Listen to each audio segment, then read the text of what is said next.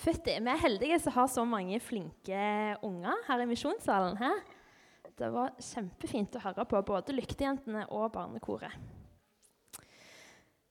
Da har dere kanskje skjønt det, siden jeg står her nå, så var det tid for en andakt. Jeg må skille på rollene her, så da står jeg her.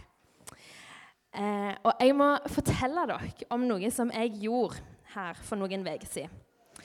Jeg var altså hjemme i stua mi med Audun, mannen min. Og så skulle jeg bare bort på kjøkkenet for å hente meg noe mat.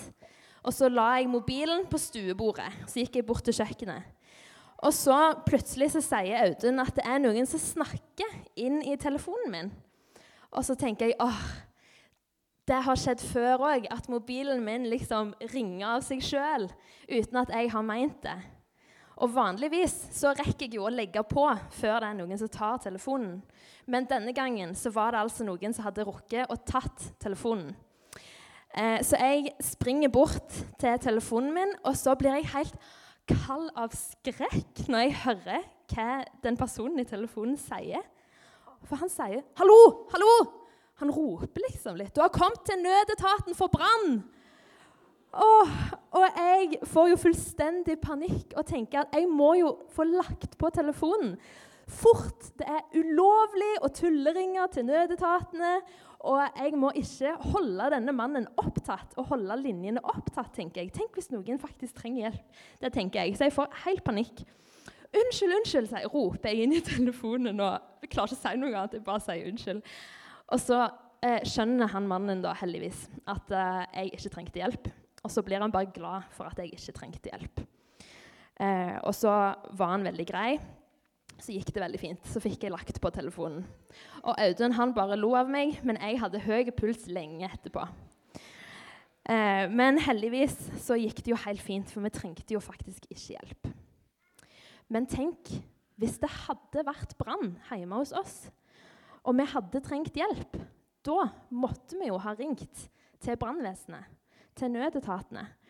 Eh, eller ropt på naboene våre og håpt at det var noen som hørte oss og kom for å hjelpe oss. For sånn er vi jo skapt, at hvis vi befinner oss i en fortvila situasjon, da roper vi på hjelp ganske automatisk. Og så håper vi at det er noen som hører oss og kommer for å redde oss. Og heldigvis da, så har vi jo muligheten til å ringe til nødetatene hvis vi trenger hjelp. Det kan være hvis det er brann, eller hvis du er på fjellet og så har du brukket en fot. Trenger du hjelp til å komme ned? Eller hvis du blir veldig syk. Det har jeg òg opplevd en gang. At en sykebil kom og henta meg fordi jeg hadde en så kraftig lungebetennelse at jeg kom meg ikke opp av senga.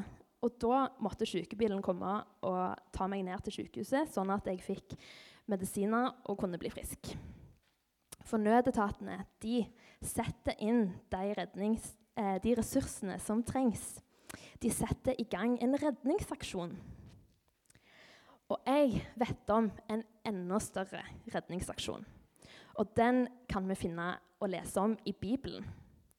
For i Bibelen så kan vi lese om hvordan Gud skapte menneskene inn i en helt perfekt verden og alt var helt fint og flott, og menneskene de levde i lykkelig fellesskap sammen med Gud i Edens hage. Men så kom synda inn i verden.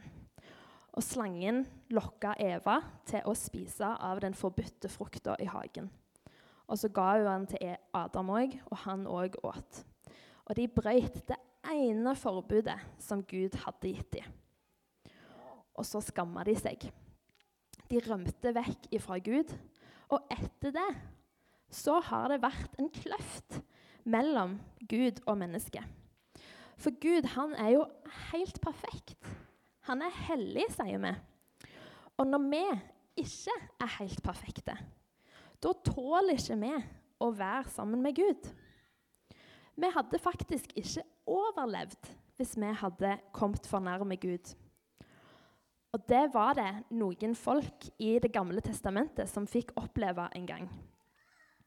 For israelsfolket, når de levde, så hadde de Gud med seg i noe som de kalte for paktkista. I den paktkista så var Gud.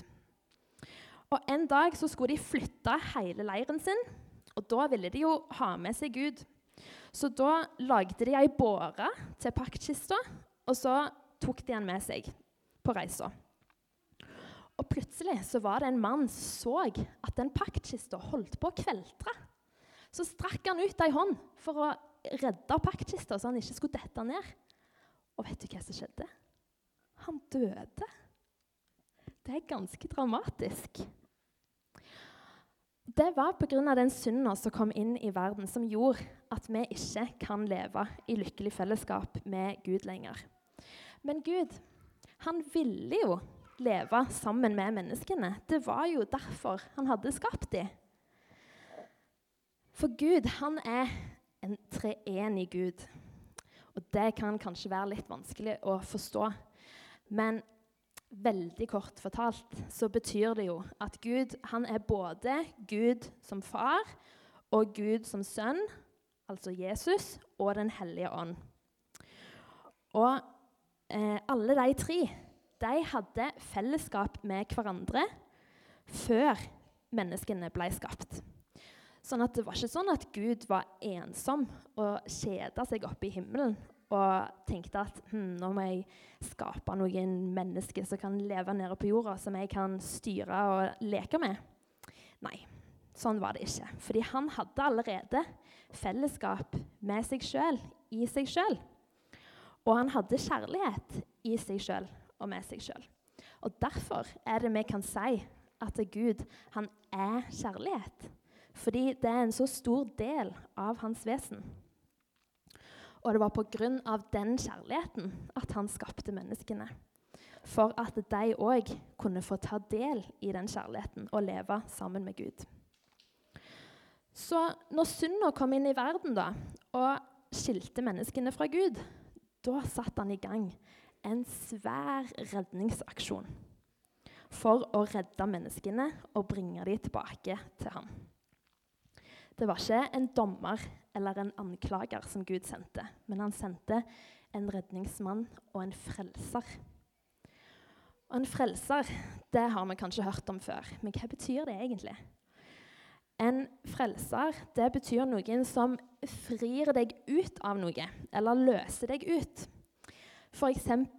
Eh, hvis dere har sett noen amerikanske filmer, så av og til hvis noen har kommet i arresten, så er det av og til at noen kan komme og betale bail for dem, løsepenger, sånn at de kan få komme ut igjen.